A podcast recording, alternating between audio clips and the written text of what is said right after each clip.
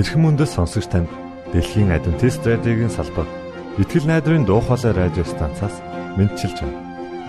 Сонсогч танд хүргэх маань нэвтрүүлэг өдөр бүр Улаанбаатарын цагаар 19 цаг 30 минутаас 20 цагийн хооронд 17730 кГц зөвлөлтөөр 16 метрийн долгионоор цацагдж байна. Энэхүү нэвтрүүлгээр танд энэ дэлхий дээр хэрхэн аз жаргалтай амьдрах талаар зарчим болон мэдлэгийг танилцуулахдаа бид таатай байх болноо.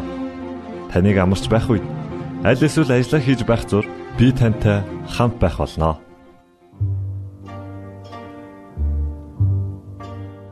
Өнөөдрийн дугаараар та бидний эрүүл мэнд юу бодож байгаатай маань холбоо хамааралтай юу гэдгийг олж мэдэх болно. Харин уран зохиолын цагаар Арчи хүүгийн багын мөрөөдөл түүний гэр бүлийн хүмүүс хэн байсан? Мөн түүний амьдралын талаар хамтдаа сонсох болно. За ингээд танд нэвтрүүлгүүдэд хүргэж байна.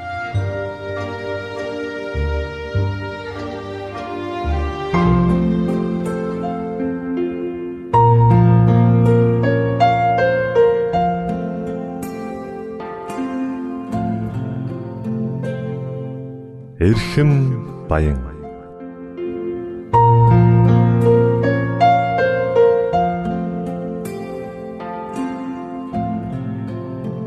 эрүүл амьдрах арга ухаан зөвлөмж тайлбарыг хүргэдэг эрхэм баян нэвтрүүлгийн шин дугаар эхэлж байна.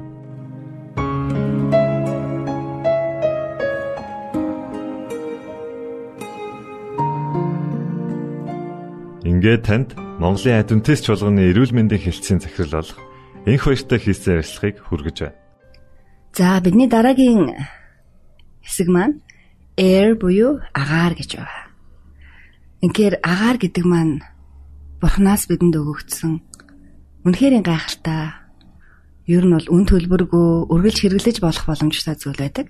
Гэхдээ агааргүйгээр хүн бол үнэхээр 3-аас илүү минут байх боломжгүй гэхээр амин чухал бидэнд маш их хэрэгцээтэй зүйл юм аа. Тэр ямар азар бурхан бидэнд ийм их хэрэгцээтэй зүйлийг маань үн төлбөргүй байхаар бүтээж өгсөн юм бэ? Бидний ямар их хайрладаг юм бэ гэж өөр ирэхгүй бодоход хүрдэг л дээ. Яагадгүй л бид нар хоолгүйгээр 15 хоног амьдарч чадна. Гэтэл агааргүйгээр 3-аас илүү минут байх ер нь боломжгүй. Хамгийн дээд нь гэтэл 3 минут гэсэн шүү дээ.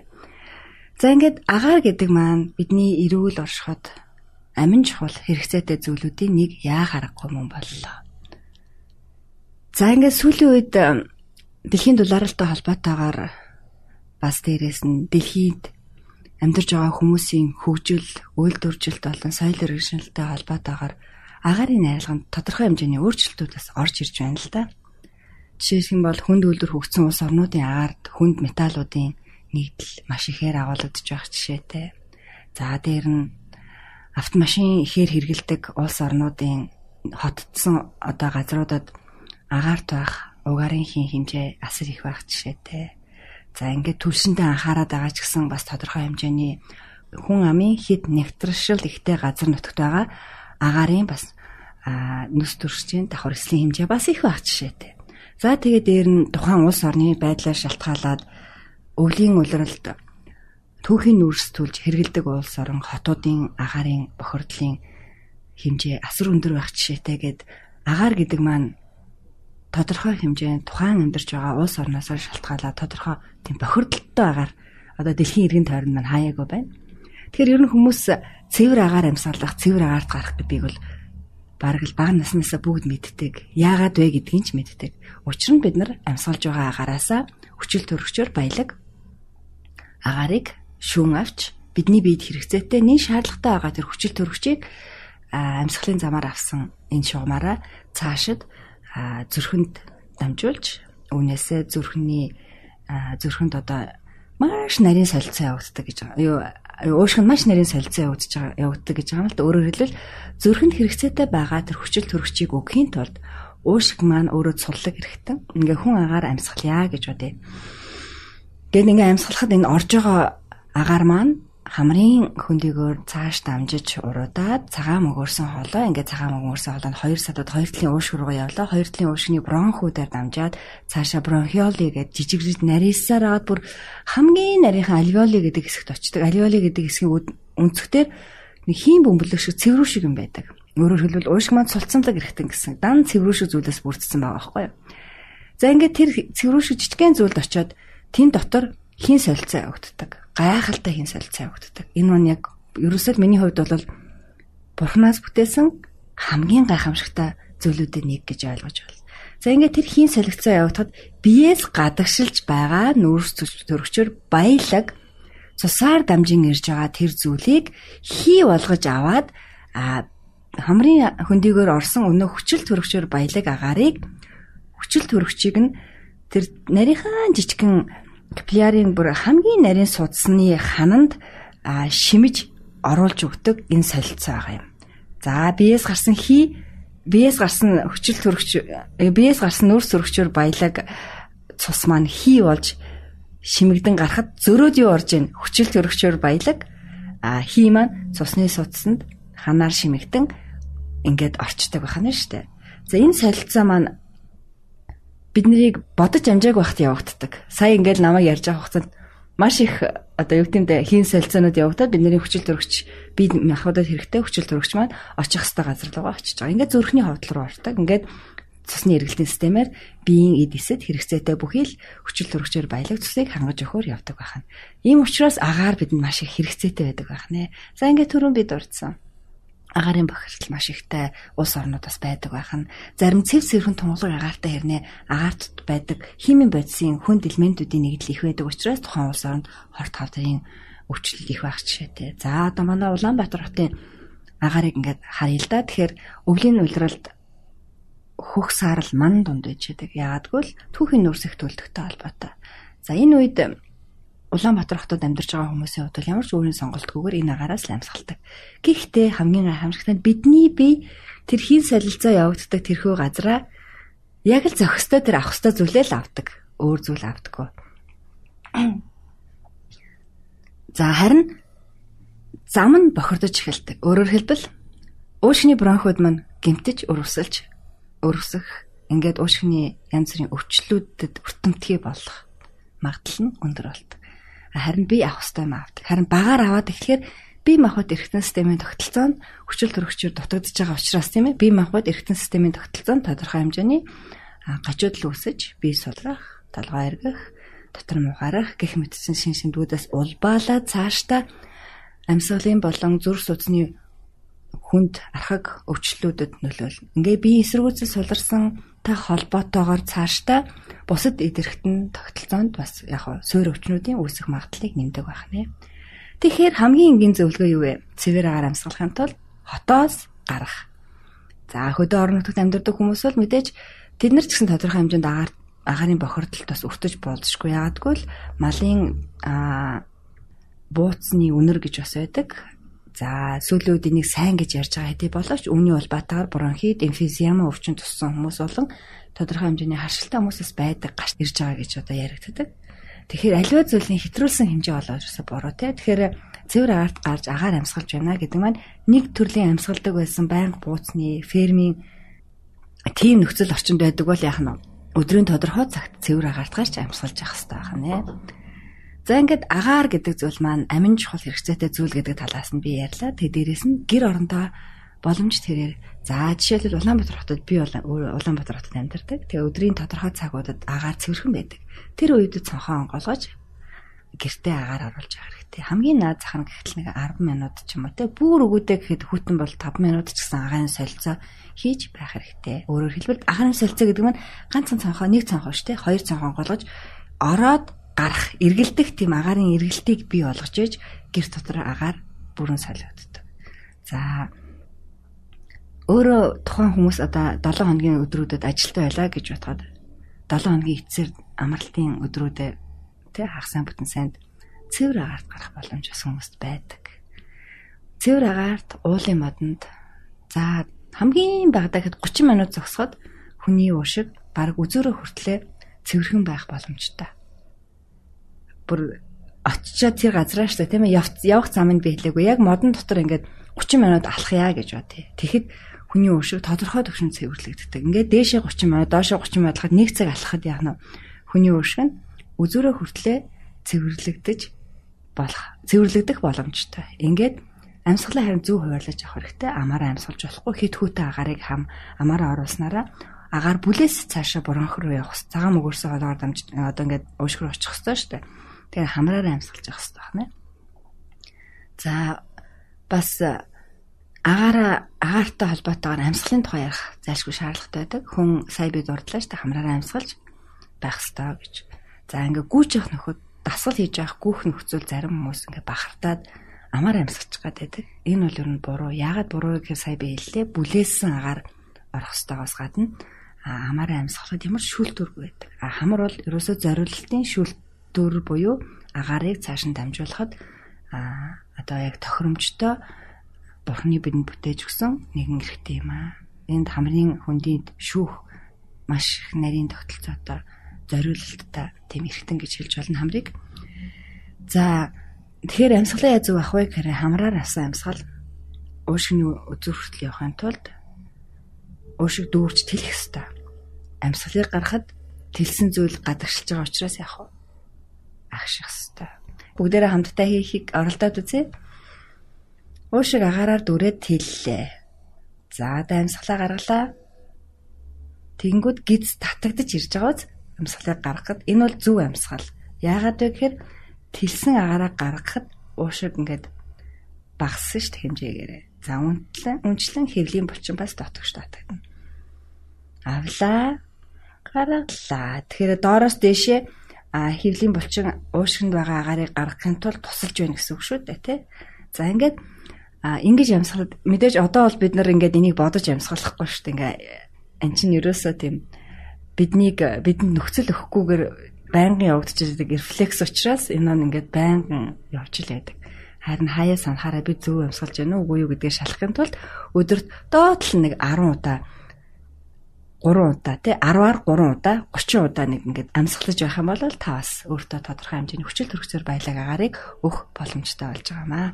За ингээд агаар гэдэг маань та бидний амьдралд амин чухал хэрэгцээтэй нэг зүйл бөгөөд та энэ агарыг бурхнаас үн төлбөрөөгөө авсандаа өдөр бүхэн амьсгалах бүртээ талархаж байгаарай гэж хүсмээр байна.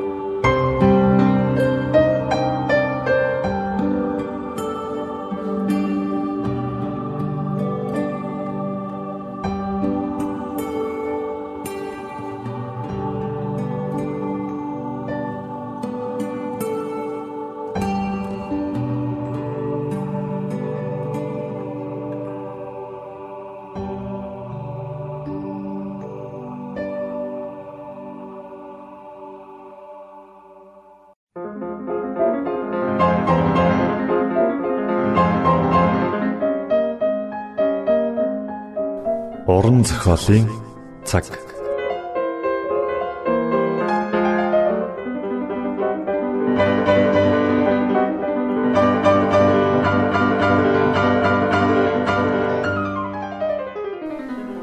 Уран зохиолын цаг нэвтрүүлгийн шин дугаараар уулзж байгаадаа баяртай. Энэхүү булангаараа бид уран зохиол, утга уянга, яруу найргийн өнгө аястай ном тохиомлуудыг сонсогч та бүхэндээ хүргэх болно.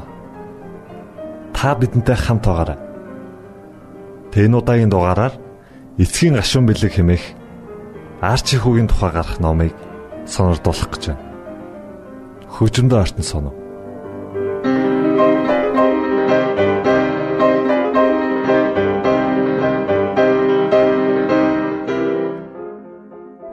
Мөрөдтэй тоглогч залуу Нэг сарын дараа Арчи Францын зоохны хажууд Европын хилийн зурвас Тэнгэрийн хаяанд ойртон орцоор байхыг хараад нүдийг нь нулимс бүрхжээ.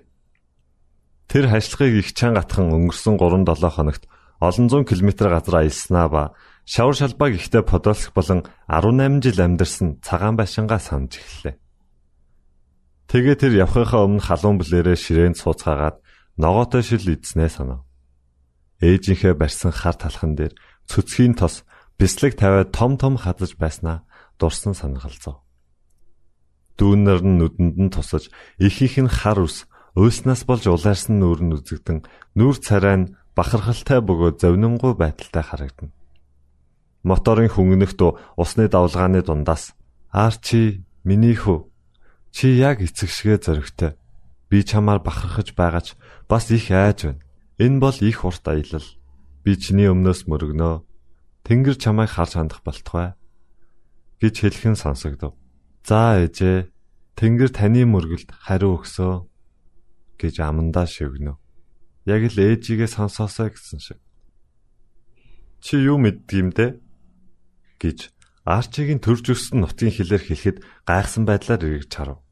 Унгар, Австри, Швед, Франц хүмүүстэй ойлголцох гэж 3-7 хоногийн турш их зовсон болохоор орос хэлээр ярихыг сонсоход хүнд маш сайхан санагдав.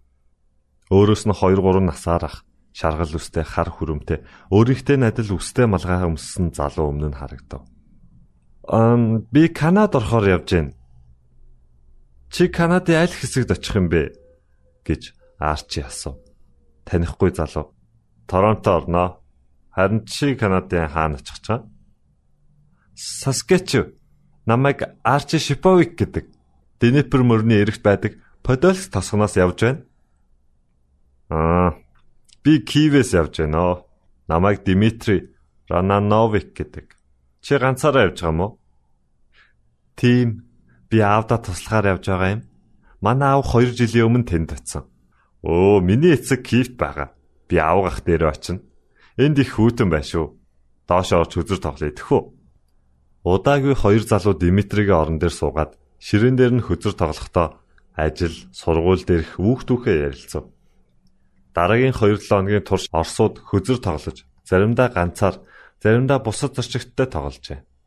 Зарим үед ямар ч мөнгөгүй мөртлөө мөрөөдсөн тоглоно.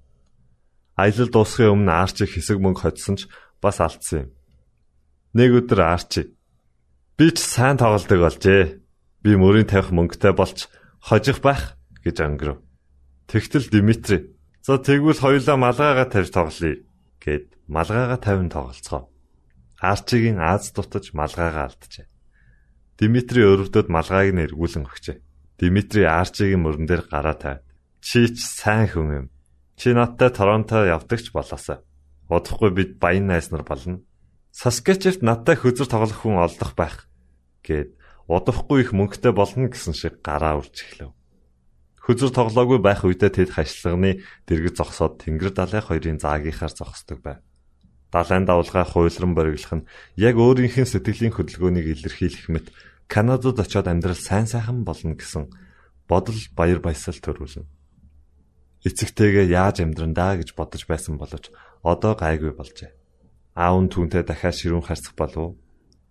Аав нь энэ шин залуу найз шиг сайхан зүйл үзүүлэх болов. Би англи хэл сурч чадах болов. Тэр өдрөө Лавренсийн мөрөн рүү ороход Арчигийн сэтгэл хөөрч эхлэв. Канадын газар нутгийг харахад түүний сэтгэл усан онгоцыг тойрон нисэж байгаа цахлаа шувуу шиг хөөрч тогтолж байв. Тэр том мөрөнд их олон усан онгоц хөөнө. Днепр мөрний жижиг завнууд хажууд нь юу ч биш юм шиг санагдав. Тэнд Итали, Англи, Дани болон бусад орны хэд хэдэн усан онгоц тариа будаа нүүр сачин явж байхыг харлаа. Арчигийн усан онгоц Монтреалийн эрэг хавьд гайлын шалгалтын их урт цуваан зогсоход сэтгэл нь ихэд догтлоо. Гэтэл бас нэг зовлонтой явдал тохиолдов. Та Францаар ярьдгүү Эсвэл англиар ярьдгүү гэж үл мэдэх хэлээр асуулаа. Тэр толгоогоос ихсрэв. Үүн тэр их сандарч Димитрич тус олж чадсангүй. Тэгээ хоёулаа нийлж мэддэг хэдэн Франц үгээрээ харилцахыг оролдов. Хүмүүс тэдэнд их тус болж нэг хүн тэдэнд галт тэрэгний зогсоолыг зааж өг. Тэндээс тэд очих газар руугаа галт тэргээр явах ёстой байсан юм. Галт тэрэг нь тухтай амарч галт тэрэг түүний амьдралынх нь мөрөөдөл рүү очиж буйн сайхан санагдлаа. Галт тэрэгний дугуйны чимээ Би ч энд ирлээ. Удахгүй баян болно гэж дуулдах шиг болно. Арчи цонхоор толгоогоо цохуулган хөдөө тал нутгийг ажиглаж яв. Уул толгодыг нь мод бүрхсэн уулын ам болгонд хайл ферм байгуулсан Франц орныг санагдуулна. Зарим газраар цастай, нар тусдаг газраар газар харлсан байлаа. Шавар шалбаагтай газраар морин тэрэг явж яг л Подолкс байдаг шиг зам зурайлгажээ. Замын хажуугаар унжгар ууд цэцэг гарсан байхыг хараад Подолкс бам гарсан болов уу гэж бодож явлаа. Магадгүй майр цэцэг түгээд гал тогооныхоо өрөөнд ваарнд хийсэн байгаа да. Тэр шинэ газар нутаг үзэж харах зүйл их байлаа. Гэвч Арчиг нь нүд нь анилдаад байлаа. Гал тэгний дуу чимээ нойр нь хурц өвшөөлгээд хөлөө сунган нойромглов. Хэдэн цагийн дараагаар Арчийн цэрхэд хаврын гур орсон байдал өөрчлөгдөж зам хот тосгод үзэгдэхгүй болсон байв. Таал газар, зэлүүд нутаг гэж Арчи хоёр хоног хоёр шөнө явсан газар тодорхойлж хэлмээр санагдлаа хойд Анториод өвөл хэвээрэл байлаа. Гал тэрэг нэг эзгүй газар зогсоход чон улих чимээ дуулахад хүн байх шинж алга гэдгийг арчи олж мэджээ. Энэ эзгүй тал газар хэн ч амьддаггүй гэж юу? Хэн нэгэн ийм аимшигтай газар амьдарч чадна гэж юу? Арчигийн боцноос хүйтэн хасах 35 хэм байлаа. Тасалбар шалгагч уг нь энэ үед ийм хүйтэн байдгүй юм да хэмээн амдаа өглөн явахыг сонсов. Арчи тал газар нь яг нэг богцсон бичгийн цаас шиг харагдлаа. Судбуур, Артур, Порт, Киного, Виннипед, Саскатон байгалийн онгон байдал алдагджээ. Фермийн байшин барих гэж хураасан гуйлангууд харагдана. Нар хурц тэнгэр цэв цэнхэр, агаар маш хуура, амьсгалахад яг л хутга залгиж байгаа юм шиг эвгүй. Тамиг татаж байгаа юм шиг амнаас хуурс авсан. Хоёр дахь өдрийн орой тасалбар шалгагчаас аарч. Тэр өндөр модон цамхгууд юу юм бэ? зогсоол болгон дээр байх юм гэж асуув. Тарианы тэрмээ. Тариачид будаага энд авчиж хадгалж байгаад ур зүг рүү явах галт тэрэг ирэхэд зах руу зөөдөг юм гэв. Түүнд энийг тал газар ашиглахдаггүй байгаа мэт санагдав. Арчи цамхгийг хараад үүнээс их будаа нөөцсөн тариачид байдаг гэдэгт итгэлтэй байв. Тэгээд тэр нүдээр үтсэн алтран шаргалдах тариа будааг төсөөлөд түүний амьдрах газар гинт тун сайхан юм шиг санагдав. Галт тэрэгний зогсоол дээр Нүрээ бараг битүүлэн босон нэг хүн үзэгдэв. Түүний өмссөн харамд нь ажилд өнгөгдөж хуучирчээ. Тэр уурс асуулан гараад улаацуулж их л санаа зовсон байдалтай дөхөж буй галт тэрэг рүү харж зогсно. Арчи Самуэлийг танив. Тэгээ тэр зогсож хараахан амжаагүй галт тэрэгнээс үсэрч буугаад аав руугаа учран золохоор гүйжчихв. Самуэль хүүгээ зогсоолын хажууд уурс асуулан зогсож буй чарга хөлсөн морд руугаа дагуулan яв. За, ээж эмээ чинь ямар шүү байна да? гэж Самуэль чаргандаа сууж ноосон хүнжлөр хожих зураа асуув. Арчи чарган дээр суугаад хөлөө дэвсэн сүрэл рүү сайн жигээд "Тэд сайн. Роман газрын эзнэд ажилд орсон. Майр, Женя Бертнер танд минь төрөгсөн шүү. За чи яаж шүү ирвэ? Канад тэгээд ямар орон байна? Аялалж аятайхан боллоо. Таны хийснээр бүх зүйл бүтсэн.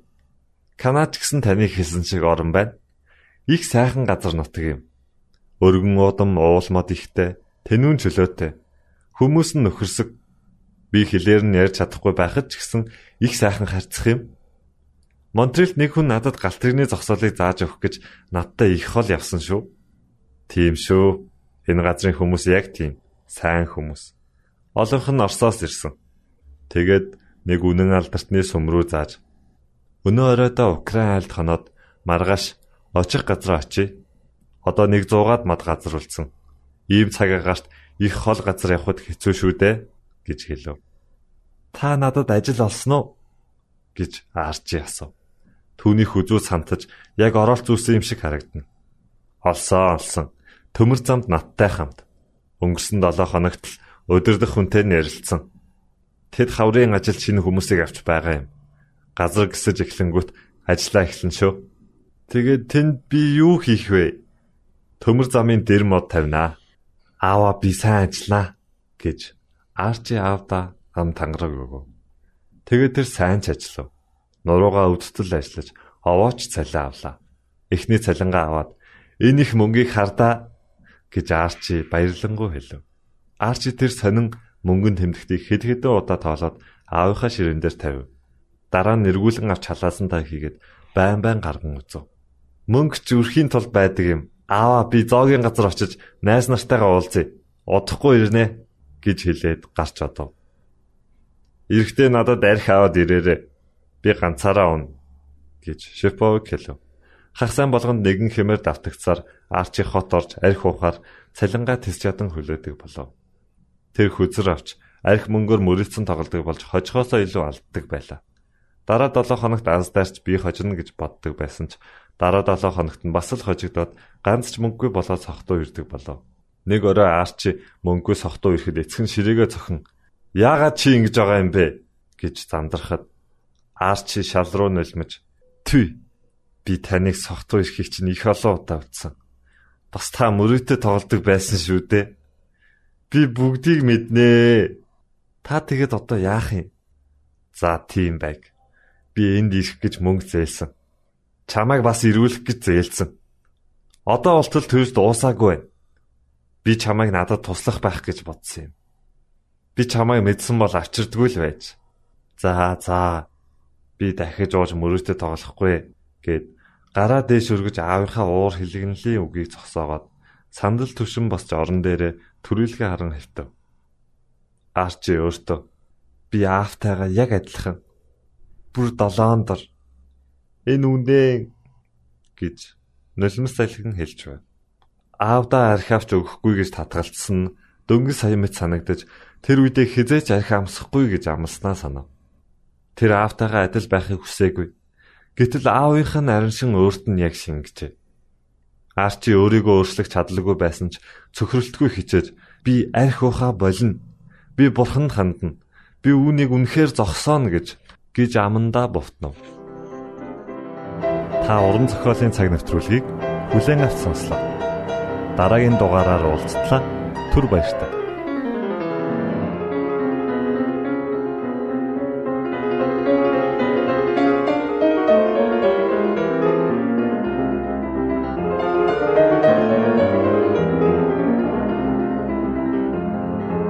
Итгэл найдрын дуу хоолой радио станцаас бэлтгэн хөрөгдөг нэвтрүүлгээ танд хүргэлээ.